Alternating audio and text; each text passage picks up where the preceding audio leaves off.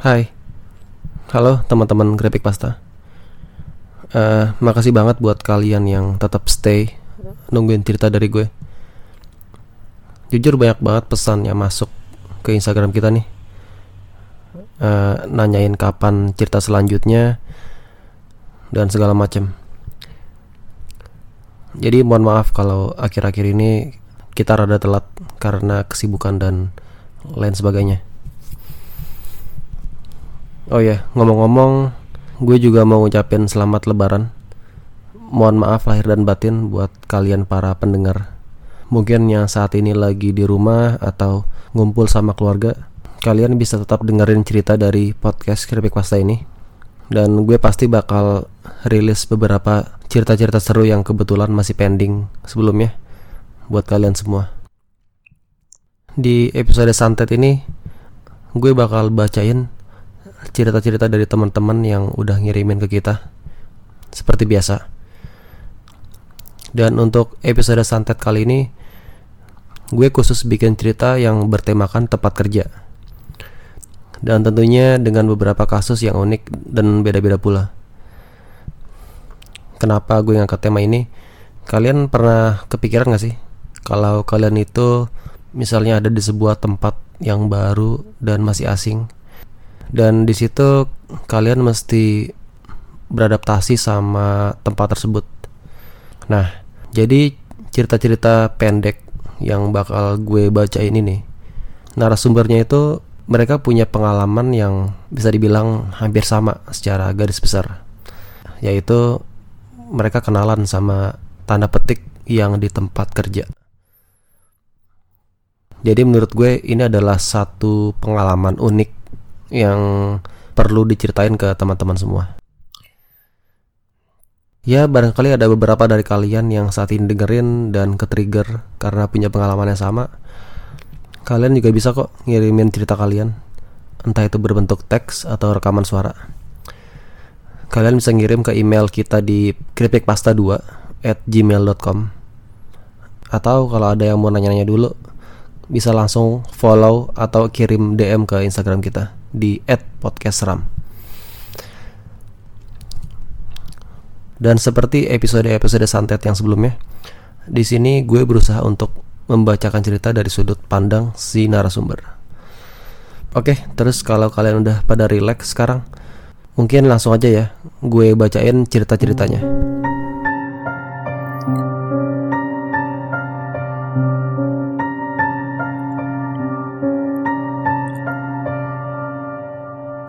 Cerita pertama datang dari Jafar. Beliau adalah orang asli Jakarta. Aneh mau share cerita mistis aneh di dunia kerja. Jadi aneh ini kebetulan sudah dari dulu berkarir di dunia industri dan pabrik-pabrik.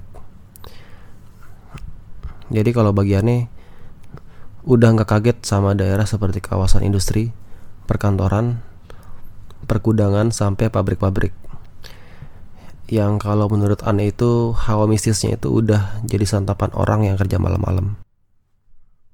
Jadi Aneh ini bisa dibilang memang hafal betul yang namanya pabrik-pabrik itu kalau malam gimana keadaannya. Dulu Aneh kerja di daerah Sunter. Tempat kerja Aneh pun waktu itu punya cerita yang sama yang masih aneh ingat jelas di memori aneh. Waktu itu pas tahun baru menyambut 2013 di kantor aneh. Dan di malam itu aneh masih kerja. Singkat cerita waktu itu aneh lembur sama rekan aneh pada tanggal 31 Desember. Di mana harusnya kita itu libur tapi kita aneh sama rekan aneh justru masuk karena biasanya kalau akhir bulan kita harus buat PO ke supplier supaya bisa ada pengiriman untuk keperluan produksi. Ketika siang keadaan masih normal-normal aja. Walaupun di kantor aneh itu cuma berdua. Ya meskipun hawa kantor sudah terasa sepi dan sunyi banget dan jujur Aneh waktu itu sudah merasa takut Beberapa hal aneh pun dan suara-suara yang asing udah mulai terasa begitu masuk jam setengah enam menjelang maghrib. Kebetulan pekerjaan yang lagi kita kerjain itu baru selesai sama kita pas maghrib. Setelah azan maghrib, kantor aneh pun mati lampu sesaat. Aneh yang sama rekan aneh di dalam berdua langsung kaget. Untungnya nggak lama lampu nyala lagi. Kebetulan waktu itu langsung diurus sama security yang memang ada jam jaga di malam tahun baru. Akhirnya lampu menyala lagi. Tiba-tiba kita mendengar ada suara kayak gelas atau piring gitu yang jatuh. Suaranya pun berasal dari pantry kantor aneh. Astagfirullahaladzim. Apaan tuh? Ucapannya kayak gitu. Piring atau gelas kali bro? Dibalas sama rekan aneh Kenapa bisa jatuh? Padahal biasanya OB udah nyusun piring atau gelas itu di rak sedemikian rapi pikirannya. Ya udah yuk, coba cek dulu sekalian gua mau ambil minum sebelum cabut. Ucap rekanannya kayak gitu. Akhirnya kita berdua jalan ke arah di mana ada suara piring jatuh itu di pantry. Setelah kita datang dan sampai pantry, kita cek dan hasilnya nihil. Gak ada apa-apa di lantai itu. Semuanya bersih seperti biasa. Gak ada bekas apa pun yang berserakan di lantai. Aneh dan rekan aneh yang heran dengan kejadian tadi sempat mikir, mungkin itu suaranya dari luar, tapi ini kan hari libur dan bener-bener sepi di lingkungan kantor aneh. Siapa coba yang iseng? Ya udah, aneh dan rekan aneh gak ambil pusing. Toh hari ini emang fisik kita berdua udah lelah karena ngerjain kerjaan yang numpuk. Mungkin kita cuma berhalusinasi aja. Setelah ngecek dan ambil minum, kita balik ke meja dan siap-siap buat pulang termasuk matiin komputer. Ini yang jadi kebiasaan aneh dan awal mula aneh lihat sosok penunggu yang sering diceritain sama teman-teman kantor. Jadi di toilet kantor aneh itu memang sih katanya ada yang nungguin. Di sana ada sosok nenek-nenek katanya. Kebetulan aneh pernah ditunjukin fotonya waktu itu. Walau baru sebatas lihat rambutnya dari belakang yang pernah ditunjukin lewat HP.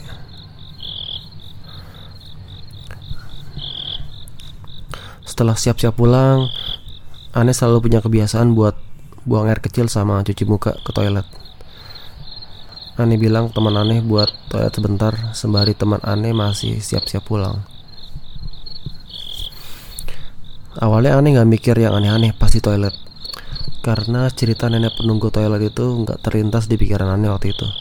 Jadi aneh cuma tenang-tenang aja. Begitu masuk Kok ada yang aneh ya sama toiletnya? Karena pas aneh masuk Itu wangi kembang Yang entah dari mana asalnya tercium sama aneh Seketika bulu kuduk aneh jadi merinding. Terus aneh langsung buang air kecil. Setelah itu aneh langsung ke wastafel untuk cuci tangan. Setelah itu aneh basuh wajah aneh dengan air supaya segar dikit pas jalan pulang nanti. Nah di sini aneh bener-bener lemas sekaligus shock karena pas ketika aneh balik badan saat mau buka pintu keluar toilet. Aneh lihat di balik aneh itu ada sosok nenek-nenek yang sedang membelakangi aneh seperti sedang cuci muka di wastafel. Kenapa aneh bisa lihat gimana keadaan belakang aneh itu? Karena pintu toilet bagian dalam memang dipasang kaca dan antara wastafel sama pintu toilet itu posisinya lurus. Astagfirullah. Aneh sempat shock beberapa detik dengan pemandangan yang aneh lihat.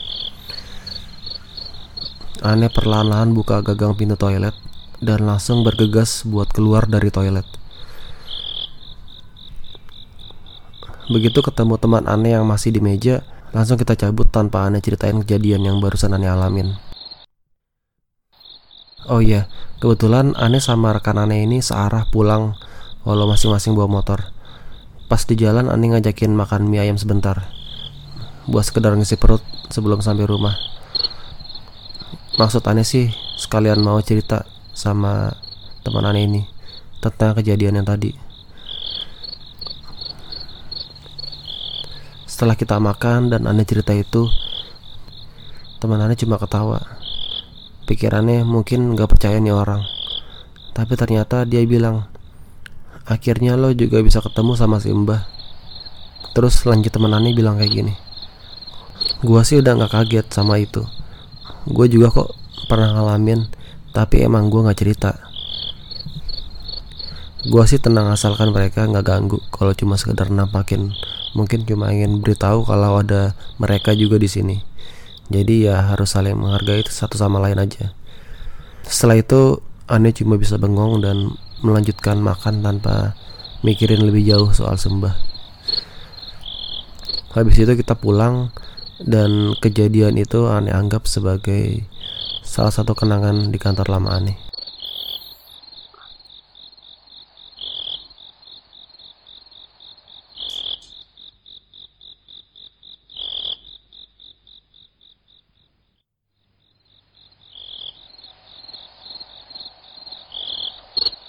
Untuk cerita selanjutnya masih dalam daerah Jakarta nih. Tapi kebetulan narasumbernya nggak bisa gue sebutin. Ini cerita dari bokap aneh yang kerja di suatu perusahaan konstruksi di daerah Tangerang.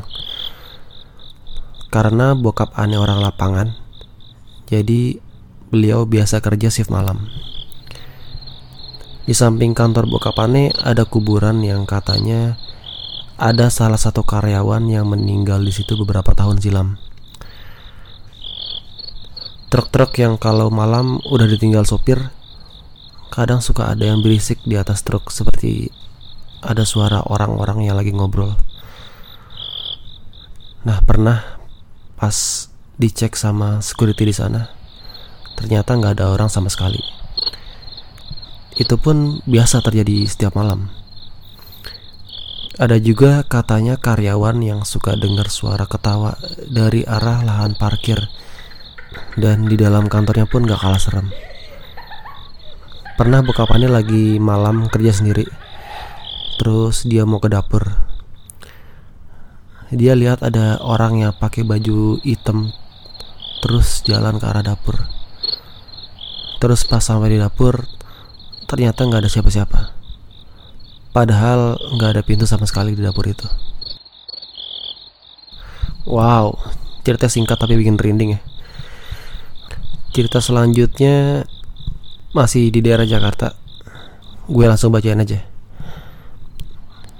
Aku adalah seorang pekerja di daerah Jakarta Barat. Kali ini aku akan bercerita singkat tentang apa yang pernah aku alami sendiri. Aku bekerja di sebuah kantor perbankan yang kebetulan menempati gedung yang sudah lama. Banyak desas-desus dan cerita mistis yang ku dengar semenjak aku bekerja di sini. Di hari itu, waktu baru menunjukkan pukul 3 sore, saat di mana aktivitas di kantor masih ramai. Sayangnya ruangan kantorku terletak di lantai yang sepi penghuni. Satu lantai hanya berisi sekitar 25 orang yang terbagi dalam dua bagian saja. Jadi masih banyak ruangan kosong tak berpenghuni di lantai ini. Saat itu aku selesai buang air kecil. Sesaat ketika aku mencuci tangan di wastafel, tiba-tiba terdengar suara langkingan tawa wanita. Kebetulan saat itu aku hanya seorang diri di kamar mandi. Ketika aku mengadakan wajah dan menghadap cermin, di belakang bayanganku ada sosok wanita berpakaian putih sedang tersenyum menyeringai di sana. Sumpah, aku pun terkejut menatapnya. Kupalingkan wajahku dan kutengok ke belakangku. Arah di mana bayangan itu berasal. Ternyata yang barusan ketawa melengking itu sudah tidak ada. Aku bersyukur. Aku berharap tidak akan bertemu lagi dengannya. Walaupun kesaksian dan cerita tentangnya sudah banyak dialami oleh orang lain pengguna gedung ini.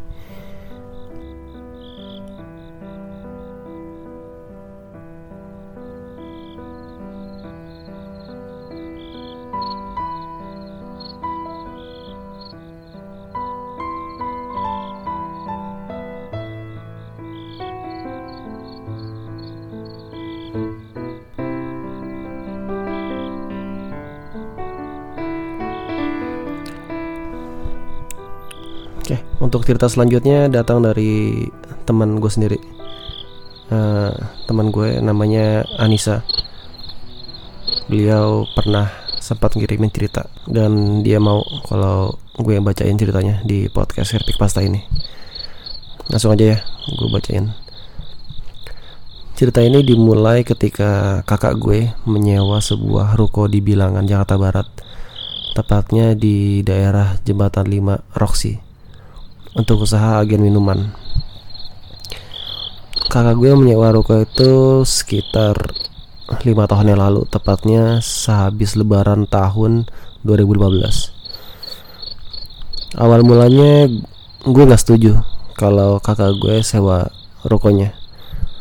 Alasannya karena ruko itu udah kosong selama lima tahun. Tapi karena mendesak untuk segera pindah dari ruko yang lama, dan gak ada waktu untuk mencari lagi. Ya mau gak mau gue harus setuju dengan keputusan kakak gue ini. Waktu itu hari minggu. Gue dan kakak gue kerja bakti membersihkan ruko yang baru saja disewa. Di mana keadaan rukonya kotor banyak sarang laba-laba. Ya pokoknya parah deh Siapa pun yang melihat pasti enggan untuk menyewanya. Terus, buat sedikit gambaran aja. Ruko ini terdiri dari empat lantai. Lantai pertama sebagai ruang tamu dan ada dapur serta WC. Lantai kedua ada dua kamar dan kamar mandi.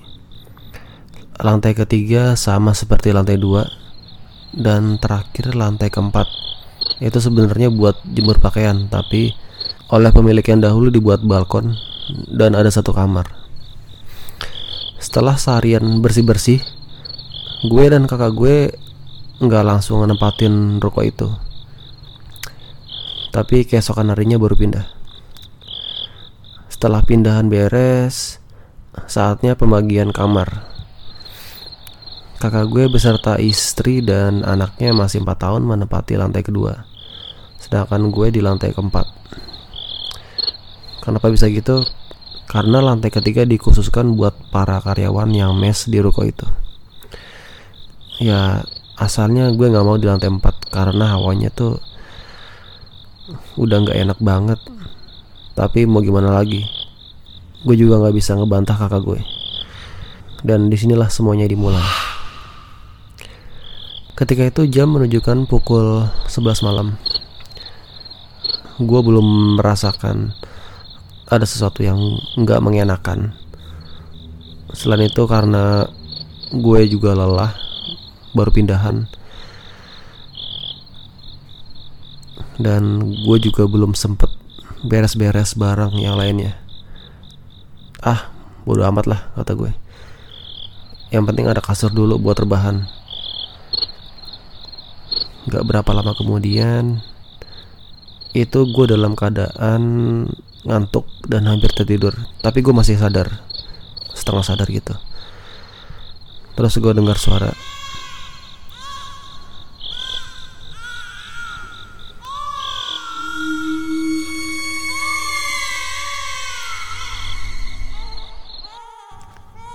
Loh Suara nangis bayi dari mana tuh? Ucapku dalam hati. Ah Mungkin tetangga sebelah punya bayi Di situ gue masih berpikiran positif. Gak berapa lama suara itu muncul lagi dan kali ini lebih kencang. Gue masih menghiraukan karena gue udah terlalu capek. Jadi gue paksain mata gue buat tidur meskipun suara tangisan bayi itu belum aja hilang. Akhirnya beberapa saat kemudian suasana jadi hening kembali. Dan tiba-tiba aja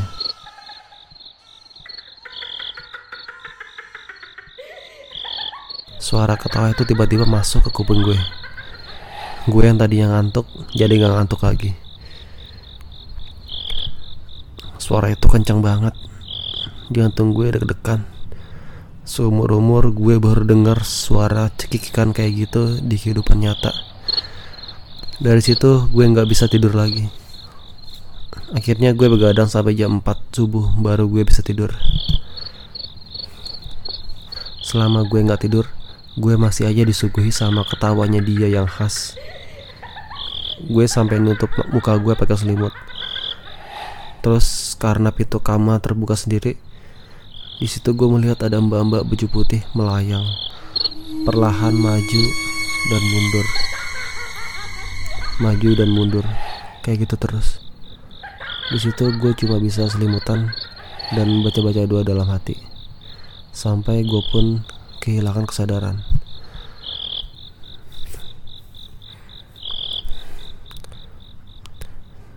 Itulah pengalaman pertama gue di ruko yang bakal dijadiin tempat kerja sama gue dan kakak gue.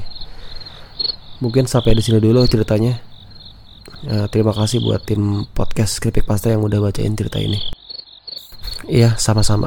Gue juga berterima kasih banyak buat teman-teman yang udah ngirimin ceritanya. Sejauh ini gue enjoy banget bacain cerita dari teman-teman semua. Dan gue berharap cerita pendek kayak gini masih ada yang ngirimin ke kita. Biar kita bisa bacain. Pasti ke depannya bakal gue bikin cerita pendek kayak gini lagi dalam episode santet yang lain. Untuk sekarang mungkin sampai di sini dulu cerita-cerita pendeknya sekali lagi terima kasih yang udah ngirimin jangan lupa stay tune di podcast Kripik Pasta Oh ya, kalian bisa kok nanya-nanya langsung, kirim pesan ke kita lewat DM di Instagram di @podcastram dan jangan lupa di follow Instagramnya.